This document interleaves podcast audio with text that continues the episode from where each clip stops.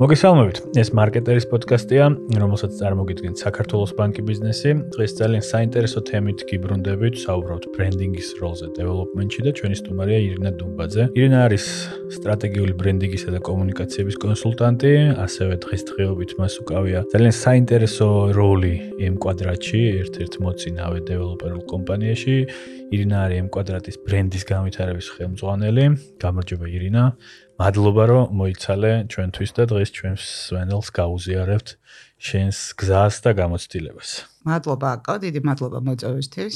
ღია ვარ, გაგიზიარა ყველაფერი. დიდი მადლობა. ჩვენ დღეს დაახლოებით 30-40 წუთის განმავლობაში მინდა ვისაუბროთ ზოგადად ბრენდინგის როლზე, განსაკუთრებით დეველოპმენტში, იმიტომ რომ სმენელი დარწმუნებული ვარ ჩვენი სმენელის დიდი ნაწილი იცნობს შენ საქმიანობას, შენ რაღაც personal branding-ზეც მუშაობ, გააქვს ამ მიმართულებით პროექტები, ზოგადად სხვანაირი ბრენდების გიშენებია, წლობით, მაგრამ დღეს კონცენტრაცია მაინც დეველოპმენტზე გვექნება, თუმცა რა თქმა უნდა მაგალითებზე საუბრის დროს შეგვიძლია სხვა ყველაფერს შევეხოთ. პირველ რიგში რაც მინდა გავაკეთოთ არის რომ ეგეთი ტრადიცია გვაქვს რომ პოდკასტზე როდესაც ვიწყებთ სულ მაინტერესებს აა ჩვენ რესპონდენტებს მოვაყოლოთ ის გზა რომელიც ჩვენ გაიარე M კვადრატის ბრენდის განვითარების ხელმძღვანელობამდე. ანუ აა საიდან დაიწყო ყველაფერი საერთოდ მარკეტინგისა და ბრენდინგის ინდუსტრიაში შენი ჩართულობა?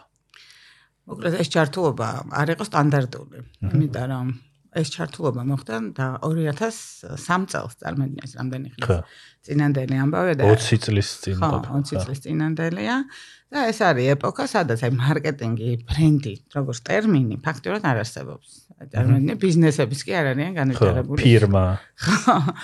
სულ რამდენიმე ბიზნესი არსებობდა მე პროფესიით ვარ ენათმეცნიერი. ანუ უნივერსიტეტში მაგ დამთავრება ფილოლოგიური ენის განხრით და გრამატიკის და მე ასპირანტურა სამი წელი კავკასიური და პარალელური ლინგვისტიკა მაქვს ნასწავლი რაღაც დანიური დიფთონგის და რუმინული დიფთონგის სისტემაში შესაბამისობა. წარმოიდგინე, აი აქედან. ხო და რა ხდება, ძალიან საინტერესოა. ძალიან მიყვარდა და ეხლა მიყვარს და ვთვლი რომ ამაზე ღრმა და ყოვლის მომცველი დარგი არ არსებობს რომ ჩარე ენეთმეცნიერება მეტროპირ და ბრაზროვნებასთან არის ხო მიბმული. მაგრამ იმ ეპოქაში მივხვდი რომ მოკლედ ამითი ვერაფერს ვერ ვიზამ, ასე ვთქვათ და ამიტომ დავიწყე სხვა მიმართულებებში ძებნა რაღაცების და მოკლედ აღმოჩნდი აა რათა გასაუბრება გავიარე.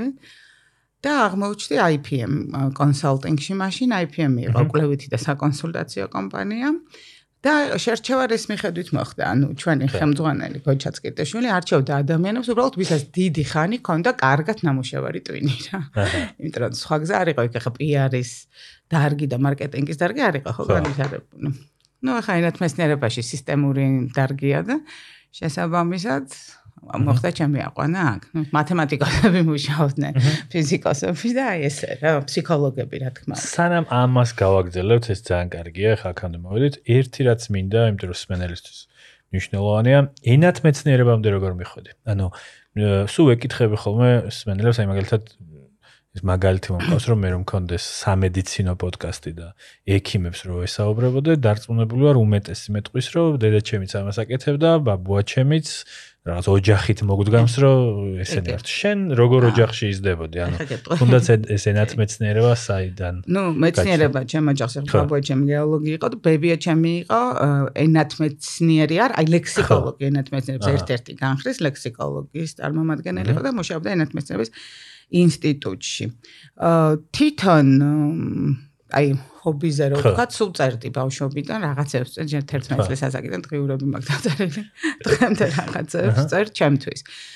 Ну ლიტერატურა მიყვარდა, წერა ძალიან მიყვარდა. თავიდან გადავწყვიტე რომ უნდა ჩავემბარებინა ფილოლოგიურზე და მე დავიწყე მომზადება, ძალიან მაგარი სპეციალისტი იყო, რომელმაც აი გამიხსნა ეს არანორმალური ხედვა აი ამ გრამატიკის და სისტემების მიმართ. და აღმოაჩინე რომ აქ ახლა შენ რო ლიტერატურაში დაშვებებს გააკეთებ და ლირიულ გადახოვებს რა იცი ასე ფიქრობდა სიტყვაზე ვამბობ ვარსქენი როცა ცოლიცემა რო წავიდა სანადიროთ აქ ვერ დაუშვებ ესმის აქ მივხვდი რომ უკვე იყო ძალიან ღრმა და ლოგიკებზე დაფუძნებული და მტკიცებულებებზე დაფუძნებული დარგი.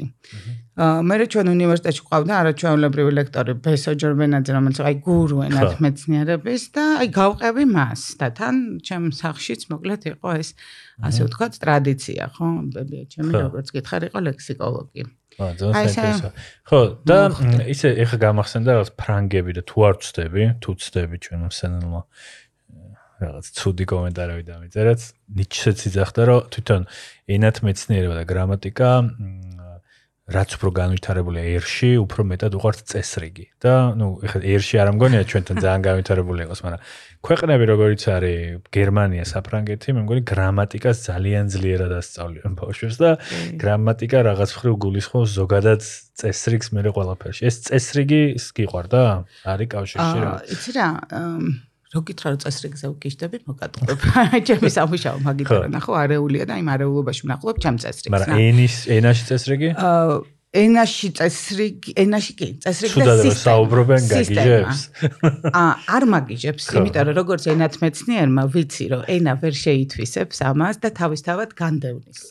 ამიტომ მე ესეთი ხელები, როგორი ხელები წარწებობს ამასთან დაკავშირებით, ნამდვილად არ მაქვს, იმიტომ რომ ღრმად მაგას ნასწავლი და ვიცი რომ როცა არ არის ბუნებრივი ენისთვის, რაც არ უნდა ტს მაგივრად თქვა.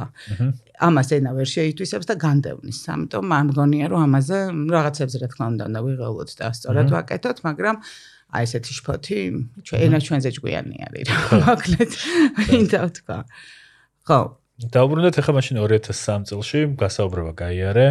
ეძებენ ადამიანებს ერთადერთი კრიტერიუმით, რომ აზროვნებენ ტვინი უმუშავებთ და ასე იწყებ ერთ-ერთ ტაქტიკა პატარა გამოცდაც ჩამიტარეს იქ და თურმე რაღაც ისეთი გამოვიყენო მე თვითონ არ ვიცოდი ეს ტაქტიკა რა იყო და და დაიწყე აი ნუ სახში როგორ ხსნიდი ანუ აი რა რა სად მოეწყო რას ნიშნავდა ეს? კვლევითი კომპანია, კვლევითი. არა, ეს მოდათ, მაშინ აი კვლევითი კრა. კვლევები ეს მოდათ, ჩემთან ეს მოდათ. მეცნიერება და კვლევა კი ბატონო.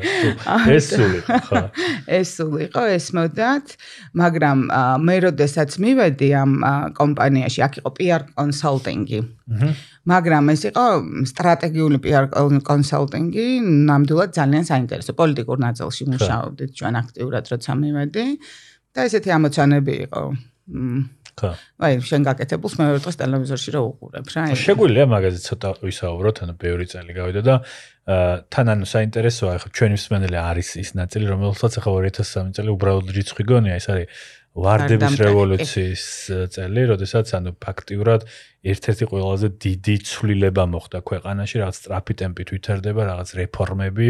აი ამ ცვლილების განმაპირობებელი კომპანია იყო IPM, სადაც მე ვმუშაობდი. ახლა შეიძლება წარმოიდგინო რა ხდებოდა ჩვენ კომპანიაში, კი.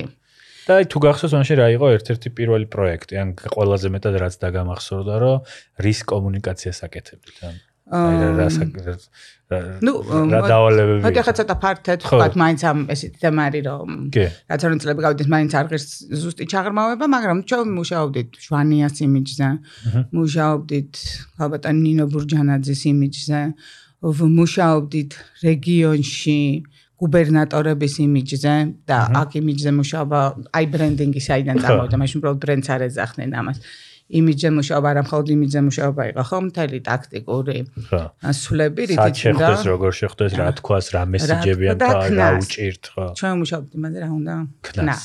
აი ეს იყო ძალიან მნიშვნელოვანი.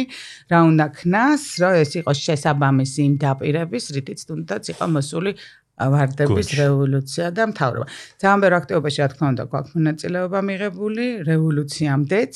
ხო. ანუ ფაქტიურად გამოდის, რომ ესე იგი პირველი ეტაპი ასეთი ორგანიზაციის ჩამოყალიბების ერთ-ერთი მნიშვნელოვანი იყო, რომ იმ დროს ალბათ თითზე ჩამოსაცვლელი იყო საერთოდ კომპანიები, რომელსაც ეს სერვისები დაჭირდება. თუ გახსოვს, რომელ წლებში იწყება უკვე აი ბრენდზე ტერმინი ბრენდი, რაღაცა მარკეტინგული კამპანია, რაღაცა კომპანიისთვის, იმიტომ რომ ეს წლები არის ასევე მნიშვნელოვანი, რომ როდესაც ბევრი საერთაშორისო კომპანია შემოვიდა, რომელიც აი ამ ექსპერტიზას საქართველოში უკვე ითხოვდა. ესე იგი, ჩვენ სადღაც 2003-დან სადღაც ერთი წელი მაინც უფრო პოლიტიკურ მიმართულებებზე და კრიზისებზე ვმუშაობდით. აი მაგალითად, ტენის ტარიფი რო ზურდება ხალხი რო ქუჩაში არ გამოვიდეს, ან ქუჩაში რო გამოვა რა უნდა ქნა, ჯანდაცვის მიმართულებით პროექტებზე და ასე შემდეგ. ანუ კრიზისის მართვა, იმიტომ რომ სანამ რევოლუცია დადგებოდა, მუდმივად კრიზისები იყო გახსოვს და მანამდეც იყო მუდმივად აი ამ კრიზისების მართვა ვიყავ ჩავ. მერე წამოვიდა ერთ-ერთი პირველი, რომელსაც ჩვენ ვემუშავებთ, ეს იყო საქართველოს ბანკი და საქართველოს ბანკის იმიჯზე დავიწყეთ ჩვენ მუშაობა, მაგრამ იმიჯამდე აღმოვაჩინეთ, რომ მაშინ იქ ჯერ სამუშაო იყო შიდა კომუნიკაციების ნაწილი. შიდა კომუნიკაციები დავიწყეთ, მე იმიჯის პირველი საქართველოს ბანკის რეკლამების გადაღება ჩვენი კონსალტინგის შედეგად მოხდა. მე ტიბისის დაუმუშავებდით და აი ტიბისი ბანკმა ნამდვილად აქტიური როლი, განსაკუთრებული როლი ითამაშა საერთოდ ქვეყანაში კორპორაციული კულტურის ჩამოყალიბების კუთხით.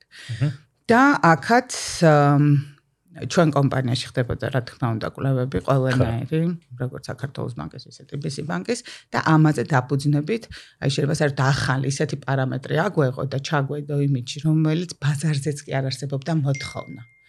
მარტო ეს კი არ იყო რომ ბაზარზე არის მოთხოვნა, აი როგორც ახლა ტექნოლოგიურ პროექტებში ადამიანმა ხო არ იცის ხო რა შეიძლება გამოვიდეს, როგორი ტელეფონი შეიძლება გამოვიდეს, მწოდნით ვერ წდება.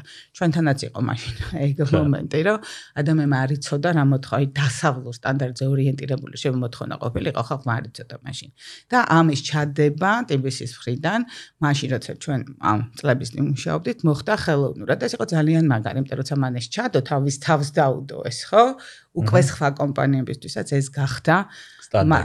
მასტი, რომ უნდა იყოს დასავლურ სტანდარტზე ორიენტირებული ბანკი, ან ასე შემდეგ, ან ასე შემდეგ. ნუ საქართველოს ბანკიც მე აქტიურად მუშაობდა ამ დროს შენ ძალიან ინტერესდები ანუ სპენელისტთვისაც მინდა რომ წარმოადგენ ანუ ამ დროს შენში რა ხდება რომ ის ენათმეცნიერებისკენ არ ბრუნდები, ანუ რაღაცა აქტროებით არ ხარ. უკვე მიხვდი რომ ეს მოგწონს და აკეთებ. ეს მომწონს, მე რა მოხდა ის რომ დამემართა შეცდომა და კვლევა გამომრჩა ბიუჯეტიდან საქართველოს ბანკის კვლევა და ვინ გააკეთებს? ანუ რა უნდა მექნა? მაგრამ აი ზუსტად იმიტომ რომ სისტემებში ვმუშაობდი, მივხვდი რომ ჩემთვის ეს არ არის რთული, რომ ანალიზი გავაკეთო, იმიტომ რომ ენათმეცნიერებაში შენ აანალიზებს სტრუქტურებს ენობრივს იმის შემდეგ ეს არ აღმოჩნდა რთული მოკლედ. მინდა ვთქვა და მე მე მივხვდი რომ ეს არის ძალიან საინტერესო რაღაცა და ეს არის ის რამაც შეიძლება ესეთი სარგებლიანი შედეგები დადოს, ხო? როგორც ადამიანისთვის, ისე ბიზნესისთვის, რა. პირველი კომპანიები ვინ იყო? ყაზბეგი, ლუდი, დღეს რომელიც ესეთი აქტუალური არ არის, მაშინ მის იმიჯზე მუშაობდით. პირველი იყო სანტე რომლის იმიჯზეც მუშაობ, მაგრამ ჩვენ ვაკეთებდით იმიჯის და რეპუტაციის სტრატეგიებს, ამ სტრატეგიებს მე რადგანით უკვე ტაქტიკურ გეგმებს და მე უკვე გადავცემდით მათ, რომ მათ აღესრულებინა. ჩვენ აღსრულებაში არ ვიყავით, რა თქმა უნდა. მაგრამ message box-ი, time frame-ი, ხო, ღირებულება რა უნდა ყოფილიყო და კონტენტი, რა თქმა უნდა, ამას ყველაფერს გნიდით. კი, ყველაფერი გარე რეკლამა უნდა ყოფილიყო თუ რა უნდა ყოფილიყო გამოყენება. ბრენდით დაინტერესება, ანუ გარდა იმისა, თუნდაც თეორიული, იმიტომ რომ რაღაც აი 2005 წელს. 2005 წელს. და რამე რამ რამ განაპირობა, ანუ რამე ტრეინინგი, ლექცია, სემინარი ვიღაცას შეხვდით და აი როდის მიხვდით რომ ჩვენ გასწავლიდნენ ანუ აი გვერდით გვიждდებოდნენ და ესე ჩამოყავდა ჩვენ ხელმძღვანელს სხვადასხვა აჰა ინებენდნენ ეს ამერიკელები რუსებთანაც გავლილი ტრენინგი მაშინ არ იყო ესეთი. დაძაბული კომუნიკაცია და ისინი ძალიან მაგრები იყვნენ რაღაც რაღაცეებში. აა ძალიან მაგარი ეს იყო ეს სწავლების მეთოდი როცა პროექტში რთავდა და გვერდით გეშდე და გეუბნებდა რა უნდა გაგეკეთებინა. მაგრამ პიარი ჩემთვის პოლიტიკური აღმოჩნდა იმ ეტაპზე უინტერესო. ეს ისეთი სფერო არის რომ შენ უნდა იყოს ძალიან მომხრე როცა ამას აკეთებს. სხვა შემთხვევაში მოკლედ ახ არ არის. თუმცა რა თქმა უნდა მომხრე ვიყავით ჩვენ რასაც ვაკეთებდით. და მოკლედ გადავწყვიტე რომ პიარში არ მინდოდა ყოფნა. აი ეს გადავწყვიტე ყველა შემთხვევაში ჩემთვის.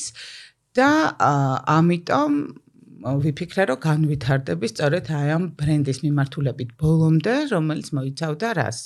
პროდუქტთან ერთად უკვე რეალური განაცხადის შექმნას ემოციის დონეზე და ბიზნესის ცხოვრებას, მოკლედ. ბრენდის სინამდვილეში არის ბიზნეს თუ გადაწყვეტს რომ უნდა იცხოვროს, მან დღეს ხვალდაზე, აი აი ამას ასე ვთქვათ, გავაკეთებ და დავეხმარებოდი ბიზნესებს, რომ ეს ცხოვრება ყოფილიყო საინტერესო და ისეთი, რომელიც მოიზიდავდა მომხმარებელს და რა თქმა უნდა ფინანსურად მომგებიანს გახდიდა. ამ ყოფას, ასე ვთქვათ. ახლა ძალიან მარტივენით რა ვთქვათ, მაშინ გადავწყვიტე სწორედ ეს და აი თუნდაც ყაზბეგის სანტე საიმიჯო კამპანიებზე მუშაობამ მიმახვედრა რომ ეს არის გზა, საითაც მინდა რომ წავიდე. აჰა. ძალიან საინტერესოა, მე მგონი პრინციპში აა კარგია რომ ეგ გადაწყვეტილება მიიღე, იმიტომ რომ განსაკუთრებით იმ წლებში დღეს კიდე რაღაც არის ხალხი ვინც აკეთებს, მაგრამ იმ წლებში თითქმის საერთოდ არავინ არ იყო, ვინც ამ ერთ-ერთი კონსალტინგი იყო. შემდეგი შემდეგ იყო საინტერესო. ხო, შემდეგ რა ხდება? შემდეგ BTI ბანკში წავედი მარკეტინგის ხელმძღვანელად და იყო ძალიან საინტერესო მომენტი. ჩემი მეგობარი ასე ვთქვათ წავიდა იქ დირექტორად და ეს ჩემ მოკლედ ხო ძალიან მაინტერესებდა, ძალიან მაინტერესებდა, იმიტომ რომ ხა ერთი არის რომ შენ კონსალტინგში ხარ და მეორეა რომ აღასრულო, მაშინ იყვნენ ყაზახები. აჰა.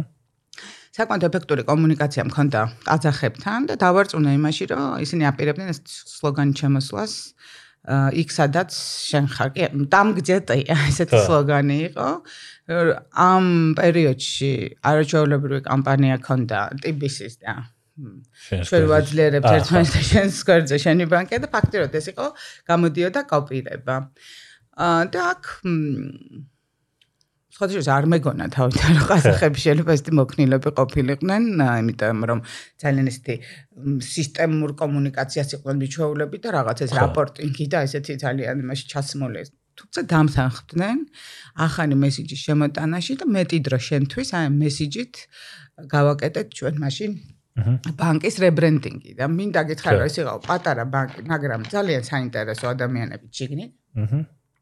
კი, საკმაოდ დიდი ფინანსური რესურსით. კი. ამ ბანკს ყაზახეთში უკან ედგა ისეთი ბანკი, რომლის ათაოფისი იყო ლონდონში და ეს იყო ძალიან თანამედროვე. აა კი. აა ასე ვთქვათ, ბანკი და ძალიან თანამედროვე ვითარება, რაც იქ არსებობდა. და მაშინ დავიწყეთ ძალიან მაგარი კამპანია. მე მოვიზიდე საუკეთესო ხალხი გზვიად მაციკოლიამ კამპანია. ვიზუალიზაცია, მთელი რებრენდინგის კამპანია ვაწარმოეთ საკმაოდ ეფექტურად. როგორ ლამის ბრენდინგი, ლამის ინტერიერ დიზაინში. ინტერიერ დიზაინში გავაკეთეთ ჩვენ ბრენდინგი და ეს მეტი დრო შენთვის მაშინ იყო ძალიან საინტერესო ბოქსი, იმიტომ რომ ჩვენ ფიქრობდით ესე რომ მოდი ახლა ჩვენ სულ გვაქვს 5 თუ 6 ფილიალი და აგერტივიზის და საქართველოს ბანკს 200-200 აქვს. მოდი ხო არ ვამუშაოთ ეს 24 საათი, მაგალითად ახლა ბჭყალებში 24 საათში ბარ გამოდიო და არა დაუშვათ 9-დან 6-მდე. სხვანაირი ტიპის კონკურენციის გაწევა გვინდა და და გვინდა და აი ამ დროის კომფორტზე დაფუძნება და არ იყოს ცუდი იდეა სხვათა შორის, ყოველ შემთხვევაში საკმაოდ ეფექტურად აა რებრენდინგის პროცესი იყო ძალიან საინტერესო ჩემთვის აღსრულებაში და მე ვხვდი რომ აი ესეც ძალიან მაგარი. არა ის რომ კონსალტინგი, არამედ ის რომ შემოიტანა და მეરે დაიწყო ამისი დანერგვა, ხო? თუნდაც ფილიალის გახსნის საათებში, თუნდაც მომსახურებაში დანერგო ის, თუნდაც მისვლა მოსვლის ნაწილში, მაშინ ახლა დიჯიტალი ჯერ არ იყო ესეთ განვითარებული. აა ამის მეરે უკვე გავაგრძელე ჩემი ასე ვთქვათ, მოღვაწეობა ACT-ში. აა სადაც რამდენიმე ხნის მერე შევიძინე წილი, გავხდი პარტნიორი და 6 წელი ვიყავი აა ანუ ყოველთვის ისახდებოდა რომ კვლევაზე დაფუძნებულ კონსალტინგში ვიყავი, რაც დღემდე ვთვლი რომ არის ჩემი უპირატესობა. იმიტომ რომ საერთოდ ბრენდინგში ესეა და აი საიდან დაიწყო, ეს არის რომ უნდა დაიწყო მომხმარებლიდან. უნდა დაიწყო იქიდან რა. ხო, ნუ მონაცემი რომ რაღაცაზე მაინც თანხმდები. მუშაობ, უნდა დაიწყო იმ ციგნების კითხვა, რასაც კითხულობენ თინეიჯერები. იმიტომ რომ იცოდე იმას, რა უნდა და მე რე არის ყველაფერი სხვა. აა, გადავედი ACT-ში და მოკლედ იქ დავაფუძნე კონსალტინგი და 6 წელი აქ ვიმუშავე. რაც იყო ძალიან ნაყოფიერი ორი მიმართულებით, რომ ერთი იყო კონსალტინგი და აქ ჩვენ ვაკეთებთ და კვლევაზე დაფუძნებული კონსალტინგი ცალკე ქონდა. მაგალითად მაგთის უკეთებდით, აი, უნდა დარჩეს თუ არა ბალი, როგორი პოზიციონირება უნდა კონდეს ბალს, ბანს, ერთმანეთისგან რა უნდა იყოს განსხვავებული თვითონ მაგთის, ხო? აა არა მხოლოდ ბრენდის პროდუქტს, არამედ არსებულ ბრენდში პოზიციონირების ჩარჩოებს, ხო, რომ არ გადაფაროს კანიბალიზაცია არ მოხდეს. არამედ კიდევ იმკუთხით, რომ თვითონ მართვაში ვიყავი ჩართული კომპანიის, 6 ხალი ვიყავით, ტიკარუხაძე მართავდა და მართავს ამ კომპანიას, და ესეც იყო ძალიან დიდი გამოცდილება, მეტყვი 6 წელი და არ ვიცი როგორ არის სხვაგან, მაგრამ აი სადღაც 2 თვე მარტო გეგმავდით კომპანიის განვითარებას, თვითონ ACT-ის განვითარების გეგმებს ვაკეთებდით, იქნებოდა საქართველოს, იქნებოდა ეს სიტყვაზე და ამან მომცა ძალიან დიდი გამოცდილება, მაგრამ აა მე როდესაც მე ბრენდინგზე შემილია ველაპარაკო ვიღაცას შემიძლია ველაპარაკო როგორ უნდა გაატაროს ეს ბრენდი ოპერაციულ სისტემაში, პროდუქტში და აი ბუხალტრის საქმიანობაშიც კი როგორ შეიძლება იყოს ასახული და ხელშეკრულებაში. ბრენდს მარტო სადღაც იქ არგზნობდა და ყველაფერში ეს ბრენდის კომუნიკაცია სინამდვილეში ეს სულ ბოლო ეტაპი რა. კი. და აი ამან მომცა სხვა რაღაცების წოდნა, ხო? უკვე თვითონ ბიზნესის შიგნით შემადგენლების წოდნას ყველა დეპარტამენტის ამ მიმართულებს როგორ ჩვენ ხო ერთიან ციფრს სახავდით და მე ეს ციფრი როგორ უნდა მიგვეღოს სხვა სხვა დეპარტამენტ ყველა დეპარტამენტის გეგმა კეთდება და ამ ხრივ იყო ძალიან საინტერესო რა თქმა უნდა პროექტების ხრივ, იმიტომ რომ აი ხა საქართველოს ბრენდირების სტრატეგიული კონცეფტი და ძალიან ისეთ ბევრი პროექტი გავაკეთე, ეხლა და მე რო უყურებ ხოლმე რაღაცებს, მე რო ხვდები რა. რომ აი ლიკანის ახლა ლიკანი არ არის ჩავხედე იგივე სნოს ბაზარზე შემოყვანა და რა ვიცი, ალბათ მართლა იმდენი იყო და რახან დიდია ეს გამოსება, ხანდახან ყველა დეტალები არ მახსოვს, მაგრამ კომპეტენცია რაზეც მუშაობდით, ეს იყო მარკეტინგული სტრატეგია, კვლევიდან გამომდინარე, მარკეტინგული კვლევები კეთებოდა, ბრენდი. აჰა. აა ნუ და ნუ ბრენდს კი და ბევრი რაღაც შეიძლება დაჭერდეს. ხო ეს არის შეიძლება რებრენდინგი, რეპოზიციონირება. კი, კი, ანუ ეს ნუ მაინც არის რაღაცა კრიზისი და კომუნიკაცია ძალიან ბევრი ასევე ნამუშევარი. შენ კარიერაში არის რაღაცა ეტაპი, როდესაც ამ კონსალტინგი მოიცავს რაღაც თითქმის ყოველდღე უამრავ ბრენდთან სხვადასხვა კომპანიას. მე არის უკვე შემდეგი ეტაპი M კვადრატი თუ რაღაცა პერიოდი არის? მე ესე იგი მე გავყიდე ჩემი წელი ACT-ში. და წამოვედი, გავაკეთე ჩემი საკონსულტაციო კომპანია და სხვათა შორის როგორც კი წამოვედი, აი ფსიქოსეგმენტაციის პროექტი გავუკეთეთ. სოკარს, ოღონდ ჩემ მეგობრებმა ასევე ის უფრო ბუციკურად მუშაობდა კვლევებში და სოკარმა გითხრა რომ თქვენ ხა ესეთ რაღაც მოგვიტანეთ რომ თქვენ თვითონ გააკეთეთ ამის ასე ვთქვათ, იმიტომ რომ კვლევის დანერგვა რა არის? კვლევის დანერგვა სტრატეგია არის და მოგვიწვია და გავაკეთეთ უკვე ძალიან დიდი, ასე ვთქვათ, ბრენდის განვითარების სტრატეგია და სოკარი ძალიან დიდი მოთამაშეა ბაზარზე და სადღაც 1-3-4 წელი ვემუშავე მას, რა ვიცი, აი 24 საათი მუშაობ და კიდე არ მყოფნი და იმდენად ბევრი სხვადასხვა მიმართულება არის შიგნით. და შესაბამისად, ჩემი ახალი კომპანიისთვის ეს იყო ნუ სერიოზული პლატფორმა, ხო, რაც ამ ხელა კომპანია ყავს. კლიენტად ევროსაბჭოს პროექტებზე ვიმუშავეთ, ფინკაზე ვიმუშაობდით 4 წელი, ფინკას არაჩვეულებრივი მენეჯმენტი ყავდა და მარკეტინგის გუნდი და მათ ვეხმარებოდით სხვა სხვა კონცეფციებში პროდუქტის. ფინკაზე სხვათა შორის აი სანამ ბანკად გახდებოდა მთელი რეპოზიციონერების სტრატეგიაზე ვიმუშავეთ. ძლიერმა კონსალტაციო გუნდმა და მე რა დაკმაყოფილები იყვნენ ეს ძალიან მეგობრობდით დღემდე მეგობრობთ და ეს ჩემი კომპანია დღემდე არის საინტერესო პროექტები აქვს, თუმცა ეხლა უფრო პატარ-პატარა გაკეთებული როგორც ეს ასტუმროს ბრენდირებები. აა უბრალოდ 2021 წელს მ კვადრატის მენეჯმენტმა შემომთავაზა მივიღე მათგან. აა ესეთი შეთავაზება და მივხვდი რომ მათ ნამდვილად უნდათ აი სტრატეგიული ბრენდინგი. არა ის რომ ახლა ჩვენ რეკლამა გავაკეთოთ და ვთქვათ არამედ რომ ვქნათ კიდევაც რა. აა და დავთანხმდი ესე მოხდა ბრენდინგზე შევხვდით და მე შემომთავაზეს იქ უკვე ამ პოზიციაზე მუშაობა სადაც PR-ს, მარკეტინგს, კვლევებს ვიქვამდებარებ და მე ვნახოთ ალბათ customer experience-ის მიმართულებით გავძლიერდებით კიდევ და რა თქმა უნდა digital-ს. ხო. ანუ მთელი ხო, ანუ ესეც გასაგები რო იყოს მენელისთვის, ანუ არიან ორგანიზაციები, რომელიც რაღაც ცალკე მარკეტინგს ეძახის და ნაკლებ არ ვიცი შეიძლება ნაკლებ რა არის მაგრამ მარკეტინგის დეპარტამენტი ქვია. შენ შემთხვევაში ეს არის ბრენდის დეპარტამენტი ხო ბრენდზე არის ძალიან მნიშვნელოვანი. დეველოპმენტის ბაზარზე საუბრობთ სადაც ახლა M კვადრატს შენამდეც ქონდა დიდი ცნობადობა. სხვადასხვა დროს რაღაცა სხვადასხვანაირი პოზიციონირება ქონდა იმედი არ მიწყენენ. იმიტომ რომ თავის დროზე იყო რაღაცა მე მგონი ძალიან ინოვაციური იყო თავის დროზე ის რომ იცხოვრე უკეთესად იყო ძალიან ინოვაციური და ასახ აი ნამდვილად ბრენდირებული პროდუქტიც იყო იმიტომ რომ ასახული იყო პროდუქტი იყო ასახული კარგად. კი კი კი. და თან რაღაცა ისეთი სეგმენტისთვის შემოვიდა რომ რომ ხალხსაც რაღაც ეტაპზე თავის დროზე არავინ არ ელაპარაკებოდა რაღაც middle class-ი რომელიც დასაქმებულია და სახს გაგირემონტებ გასაღებით მოქცევს აა დღეს მინდა უკვე გავიდა დაახლოებით 2 წელი, შეიძლება ცოტა მეტი დეველოპმენტში ჩაიხედე, ადრეც დარწმუნებული ვარ შენ პროექტებში ეს დეველოპმენტები სადაც ტრიალებ და მაინტერესებს რამდენად დიდია ზოგადად ბრენდინგის როლი დეველოპმენტში, იმიტომ რომ იმ ყველაფრის პარალელურად როდესაც აი იმ კვადრატი ამ ხელა ინვესტიციას აკეთებს, ესეც გადაწყვეტილებას იღებს, რომ თელ დეპარტამენტს არ გქონს ბრენდის დეპარტამენტს და ესეთი ამბავია. პარალელურად ჩვენ მაინც ხდება და ალბათ ეხა ესეთი ხალხიც გვისმენს რაღაცა უცბად რო იქმნება რაღაც ალიონი 1507 რაღაც დეველოპერული კომპანია ესეთებიც და რომლებსაც რო კითხო ერთადერთი პრიორიტეტი არის რომ კარგი ლოკაცია თბილისში ძმაო ბრენდი რა შეჭirdება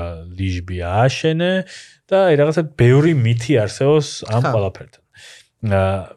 მე რა თქმა უნდა მჯერა რომ ბრენდინგს ძალიან დიდი გავლენა აქვს, მაგრამ მე მაინტერესა ის შენ რა განწყობით მიხვედი ისინი თვითონ ამ კვადრატში რა დაინახე, იმიტომ რომ ერთი არის რომ რაღაც მარკეტინგის გუნდა მენეჯმენტი დარწმუნებული ვარ ამის ჯერა, მაგრამ იქ არის კიდე ხალხი ყოველ შემთხვევაში ადრე მაინც და ეხლაც ვინც ამას აღასრულებს მე და ის შეიძლება თქოს რა თქინდათ ამას M კუბს რატო არ ქვევთ ან რაღაც skylines თუ რაღაცა და ის არაფერზე რო არ მოყვება, რომ თავარი ავაშენოთ. არა. ბრენდინგის როლი მოკლედ დეველოპმენტში. არა, აი ბრენდინგის როლი დეველოპმენტში ის არის, რომ M კვადრატმა ახლა სადაც არ უნდა აშენოს, იქ გაყიდის კარგად, იმიტომ რომ M კვადრატს აქვს თავისი რეპუტაცია, თავისი ცნობადობა, მისი იმიჯი შედეგება უკვე გარკვეული კომპონენტებისგან, რომელიც იზიდავს მომხმარებელს და რა ადგილიც არ უნდა იყოს, აი ჩემი მოსაზრებით რა ადგილიც არ უნდა იყოს. ამას ექნება თავისი პრესტიჟულობაც, თავისი საინტერესოობაც და თავისი სტილიც, იმიტომ რომ ეს რა ადგილზეც არც ააშენებთ. ყველაფერში ყველგან არ შევალთ. აა, ხო, ყველგან არ შევალთ ალბათ, არ ვიცი ხომ ხო რას გადაწყვეტ, მაგრამ ჩემი მოსაზრებით ის არის იმდენად მე ესე ვფიქრობ ხო და არ მგონია რომ სუბიექტური ვიყო, ისეთი ძლიერი ბრენდია რომ მას შეუძლია ადგილი აქციოს მიმზიდველად. აჰა. ხო. ბრენდით. ხვდები? კი, კი, კი. და რაღაც გარკვეულად ხვდები რა რას პირდება ეს. თქვენ როცა ამბობთ პატრა კომპანიები, იმან ადგილზე უნდა აშენოს ყველა შემთხვევაში, იმიტომ რომ ეს სხვა ვერაფერს ვერ შესთავაზებს, ხვდებით? და როცა ბრენდი ხარ, შენ შეგიძლია შესთავაზო გენი თავი და იქ ცხოვრებას უკვე თავისი სტილი აქვს რა. ეს არის ბრენდი, ხო, დეველოპმენტში. ერთ-ერთი დიდი, ერთ-ერთი მე მგონი მიმდინარე კამპანიაა ეს იცხოვრე შენ ცხოვრე. კი. აა შენ კარგია რომ ახსენე ის თავიდან რითაც დაიწყო ამ კვადრატი ეს ძალიან საინტერესო იყო. თუმცა მე რაღაც წლები გავიდა ეს მესიჯი დაძველდა ვიღაცებმა ახლოს იარეს შესავით პატიოს და არ მოიქცნენ როდესაც BTS შეაცვლევინე და სხვაგან წახვედით აი იცხოვრე შენი ცხოვრებით. როგორ მიხვედით ამ ყველაფრამდე იმიტომ რომ ასეთი სლოგანის კამპანიის პროექტის მიღმა დგას ძალიან ბევრი შრომა. ეხლა ვიღაცა შეიძლება გონია რომ რაღაც დაჯდნენ ერთი წელი ვაკეთებდით ერთი წელი. და აი მანდრო ჩაგვახედო საიდან, იმიტომ რომ მე მახსოვს შენ რომ მიხვედი რაღაც გარკვეული time slot-ი აიღე, როდესაც მუშაობდით ხოლმე, ანუ არაფერს არ ცვლიდი, ოკეი, რაც არის, ეს არის გავაგზელოთ, მაგრამ მე მჭირდება დრო, რომ აი მოვიფიქროთ, მოვხარშოთ, შევთანხმდეთ და რა გვინდა? რა გვინდა, ხო? და როგორ ეს პერიოდიც მოგვიყევი და მე როგორ მიხვედით იცხოვრე შენი ცხოვრებითან და რატო არის დღეს ეს M კვადრატის თავარი სათქმელი? აი წარმოვიდი მივედი და ადამიანები არიან შეყვარებულები იცხოვრე უკეთესადში. თვითონ თანამშრომლები რა. ხო.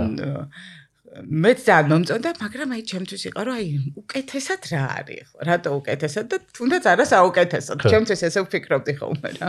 მარტო რომ ვჩებოდი.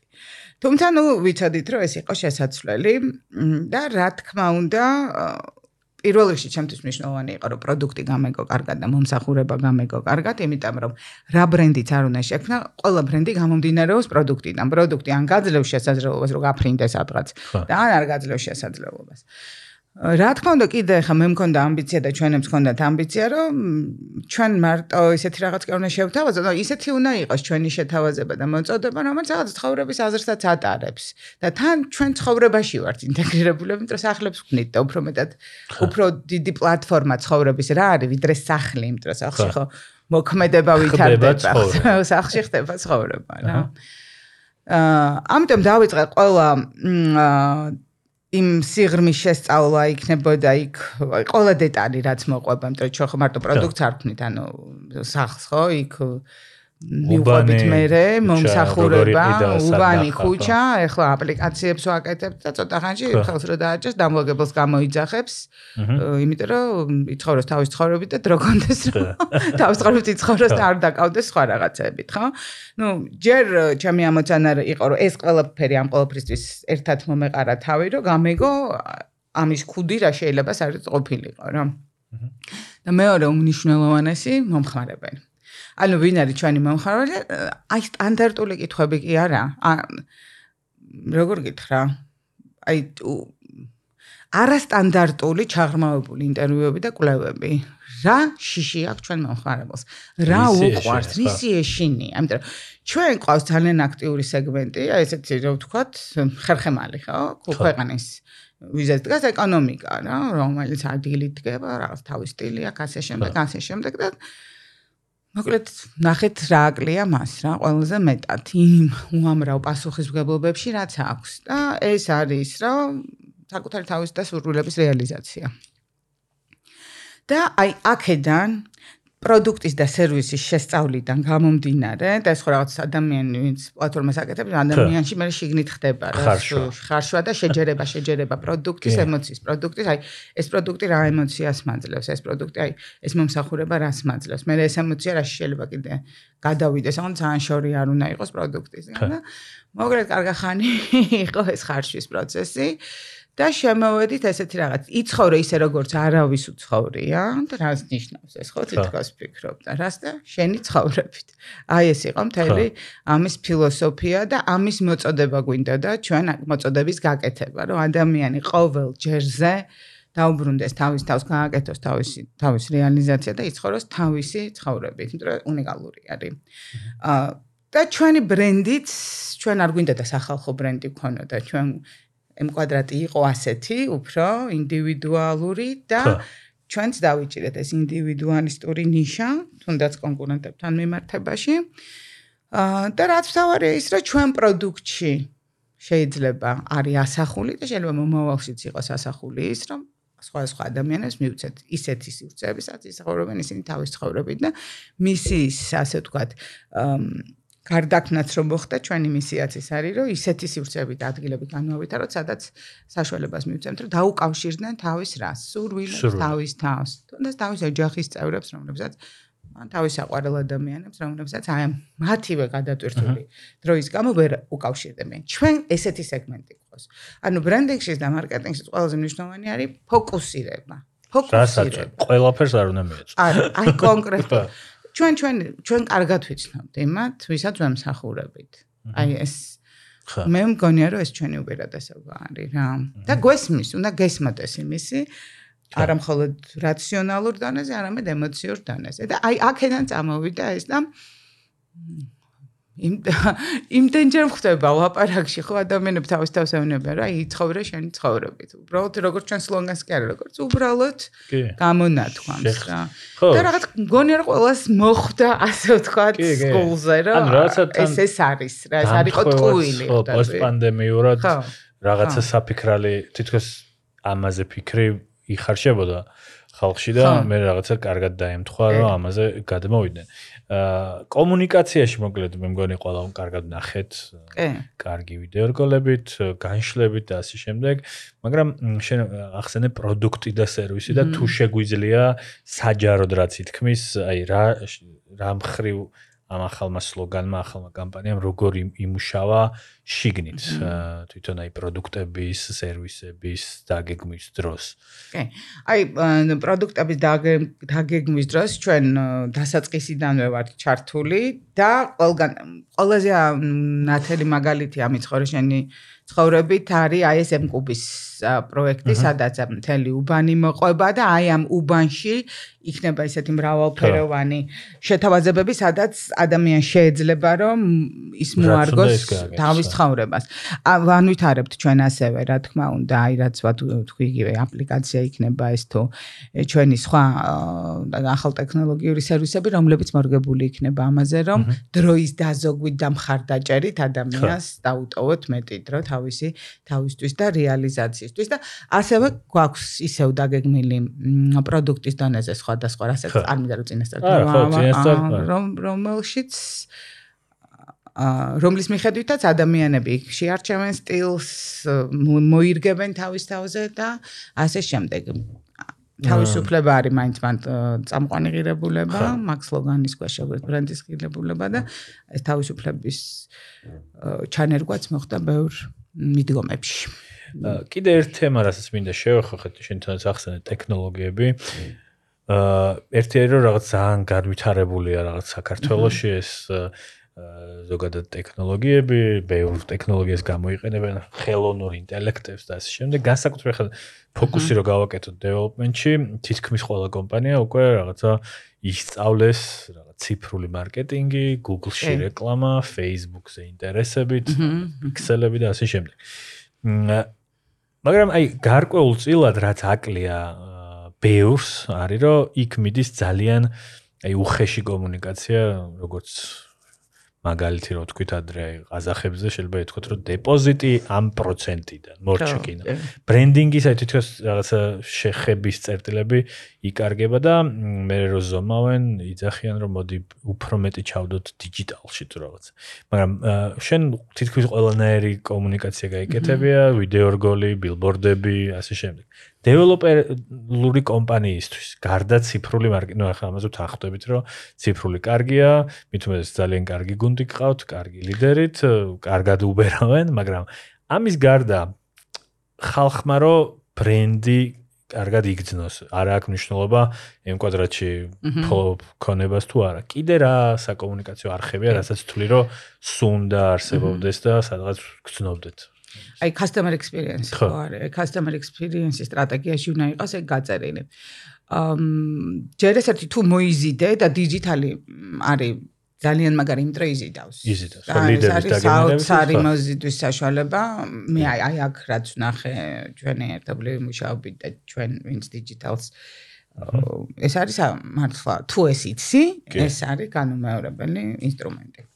მაგრამ გარდა ამისა არის ადგილი, სადაც ჩვენ მომხმარებელს ხვდები და ქმნი ამ customer experience და digital-ის გარდა მაგალითად დეველოპერული სეგმენტისთვის გარე რეკლამა არის აუცილებელი. ცნობადობისთვის. აი საერთოდ მარკეტინგში უნიშნელოვანესი არის ინტეგრირებული მარკეტინგული კომუნიკაციები. ამიტომ მე ვფიქრობ, რომ ადამიანი რომელიც გარეთ გამოდის, გარდა ტელეფონისა, რა თქმა უნდა, სადაც ის უკვე დიჯიტალში კონკრეტულ რაღაცას ეძებს, მას უნდა კონდეს შენს ბრენდთან შეხების წერტილები. ეს შეხების წერტილები, რა თქმა უნდა, რა უნდა იყოს, ხო? ეს შეიძლება იყოს გარე რეკლამა, შეიძლება შოურუმები. შოურუმები. საერთოდ შეიძლება შოუც კი იყოს, რომელსაც ადრე გახსოვს როგორი იყო ტრენდი, რომ ქუჩაში დგავდნენ, ხო? რა ავტობუსზე რეკლამები და ასე შემდეგ დეველოპმენტ ხე ჩემი ტიპის ბრენდისთვის ჩვენ ამას არ ვიყენებთ, იმიტომ რომ არ არის საინტერესო, მაგრამ ბევრი სხვა ბრენდისთვის არის საინტერესო. ანუ რა თქმა უნდა, ტრადიციულ მარკეტინგს აქვს თავისი უპირობო ადგილი, მე ვიტყოდი, იმიტომ რომ ადამიანი არ ცხოვრობს მხოლოდ დიჯიტალში და ის ცხოვრობს ხო? და სადაც ცხოვრობ, შენი უნდა დაახვედრო შენი ბრენდი და შეეცადო, რომ ძალიან საინტერესო და კრეატიულად შეიძლება ეს გააკეთო, უბრალოდ ისეთ ადგილას უნდა დაახვედრო, რომ მაგალითად ის დეველოპმენტზე ფიქრობდეს. საჭმელს რა გიგულობს, მე იქ არ მგონია სწორი, რომ დეველოპმენტმა დაახვედროს თავის რეკლამა. რა ამაზე მქონია ხოლმე კამათი. მაგრამ თუ არ გჯერათ თქვენთან გამოიკლე. ხო. ანუ ტრადიციულად ჩვენ სატელევიზიო რეკლამასაც აქტიურად ვიყენებთ, მაგალითად, როდესაც გაცინებით ფართე მოცვა კი არა, აი ეფექტური მოცვა გვინდა. ხო. და მე მაშინ ვიყენებ სატელევიზიო რეკლამასაც. რა თქმა უნდა, ტრადიციულ არხებს მაინც რადიოსაც ვიყენებთ მაგალითად, იმიტომ რომ რა თქმა უნდა, ადამიანი დილას ზის და უსმენს რადიოს. სპონსორშიპები თვითონ ანუ რაღაც პერიოდები იყო, იმ კვადრატი ანუ ხან რაღაცა რაგბში აუცილებლად. რაღაცა ანუ ეს ეროვნულობა იყო მაშინ თუ ან ეხლა თუ არა ეხლა არ არის ეროვნულობა უფრო მანდაც რაღაც გონია რომ რაღაცა ფოკუსირებულად უნდა წავიდეთ უფრო. საიმიჯო საიმიჯო მიმართულებით და ვნახოთ აი მანდარი კიდე ბაზარი რას გთავაზობ შენ ერთი არის შენ შეება შენ თვითონ შექმნა და მეორე ბაზარი რას გთავაზობს.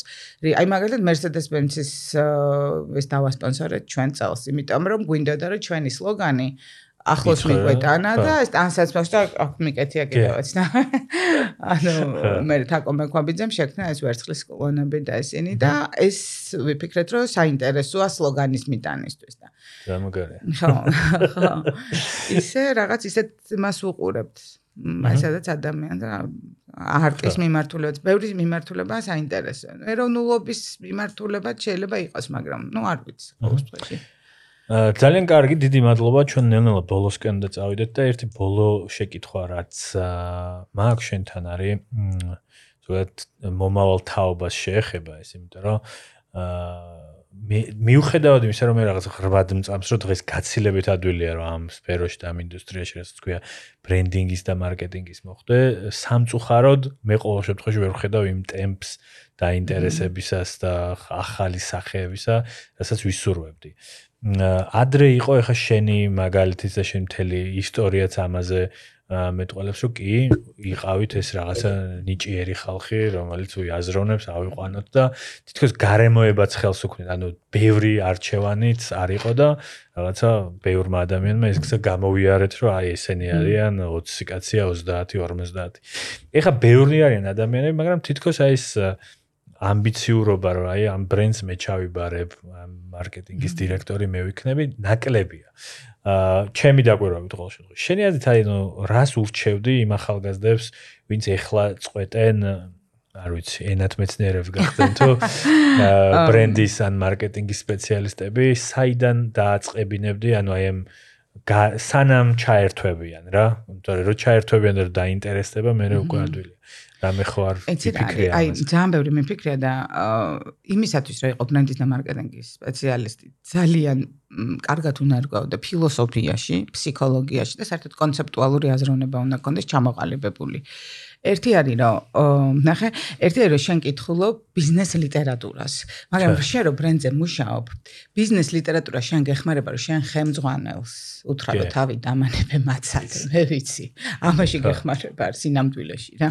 როცა თან პატარა ხარ და დარწმუნება გჭირდება და ძალიან დიდი კომპეტენცია გინდა მარკეტინგში, რომ გაცადონ. ამას უნდა ძალიან დიდი კომ. ფინანსებში გაცდიან, იმიტომ რომ თვითონ არ ყოფნით კომპეტენცია და მარკეტინგში ფიქრობ რა ყოფნით არა და არ ყოფნით. ხო, არ წარმოდგენა არა აქვს, მაგრამ არ გაცდიან. ამიტომ ეს ერთი მხარეა, მაგრამ მეორე მხარე რაც ჩვენ გჭირდება. აი მომხმარებელი, რომელიც ჩვენ უნდა მოიზიდო, აი იქით მხარისთვის გჭირდება შენ კონცეფციების, აი მაგალითად მხატრული ლიტერატურის კითხვა მუდმივი, იმიტომ რომ შენ თუ გაიგებ რა არის ამ ნაწარმოების არსი, შენ გაქვს დიდი შანსი რომ ბრენდის არსი შექმნა. ხტები? აი ეხლა ამ თაობას ამის პრობლემა აქვს. ანუ ისინი კითხულობენ სპეციფიკურ სპეციფიკურ ლიტერატურას მაგალითად, ხო? აი რატომ როცა გვინდა რომ ბევრჯერ დავსვათ კითხვა რატომ ხო გავიგე რომ კითხულობ მაგრამ თუ ამას არ აქვს საფუძველი არს ვერ ხვდები რა არის შეიძლება ეს ანუ ორი მხარე არის განსავითარებელი ერთი რომ ხა მე ვგიჟდები დევიდ აკერზე მისი გავიცანი ბრენდინგი და საერთოდ პირველი იყო ვინც ეს შექმნა და მე ყველამ გადაამღერა მისი რაღაცა და სხვა შექმნა და დაუშვათ იქ ნიუ მეიერი და ასე შემდეგ მაგრამ მეორე მხარე არის ზოგადად კლასიკური ლიტერატურა სადაც ბევრი რამეა შეიძლება პირდაპირ სახელი არ ქვია მაგრამ იქ მიღებული ცოტა აუცილებლად რაღაც პოულობს მე იქ არის ასეთი მეგობრობა ისეთი მეგობრობა რომელსაც მე შენ კომუნიცირებ რომელსაც გინდა რომ შენი ბრენდი მე დასვა და ეს იყოს და საერთოდ უნდა დააშენო თუ არიცი აი ეს არის პრობლემა. მე მგონია რომ ამ თაობას ვერ ვტყუր ძალიან კაი თაობა მოდი სიღრმე. ხო ანუ ნუ ვინცაც ამ სფეროში უნდა ყოველ შემთხვევაში სიღრმე და ის რაღაცა ზოგადი დიდი განათლება ზოგადი განათლება ხო ძალიან კარგი ფორმულა. რამე ხო არ არის ხე დევიდ ეიკერი ახსენე ციგნები რასაც ურჩევდი უკვე ჩავთვალოთ რომ ბრენდინგით დაინტერესდა აი დავით აკერის ძლიერი ბრენდი შექმნა ნიუმერის ბრენდ გეპი და აი ამას მე გვარი არ მახსოვს ეს არის uh thinking slow and fast. ხო, ექსიგნის ხო შეიძლება მე ქართულადაც ითარგმნა, ხო, შეგიძლიათ. არაჩვეულებრივი ციგნია, რომელიც ფსიქოლოგიაში ჩაგახედებს და გაგარკვევს როგორ მუშაობს ადამიანის აი ეს ორი სფერო. აჰა. ძალიან კარგი. ძალიან დიდი მადლობა. თითქმის 1 საათი ვისაუბრეთ. მადლობა ირინა, მე შეგახსენებთ თქვენ უსმენთ მარკეტერის პოდკასტს, საუბრობდით ბრენდინგის როლი ბრენდინგის როლზე დეველოპმენტში. ჩვენი სტუმარი იყო ირინა დუმბაძე. ირინა არის სტრატეგიული ბრენდინგისა და კომუნიკაციების კონსულტანტი, უკვე წლებია და ასევე ამჟამად M კვადრატის ბრენდის განვითარების ხელმძღვანელი. ძალიან დიდი მადლობა.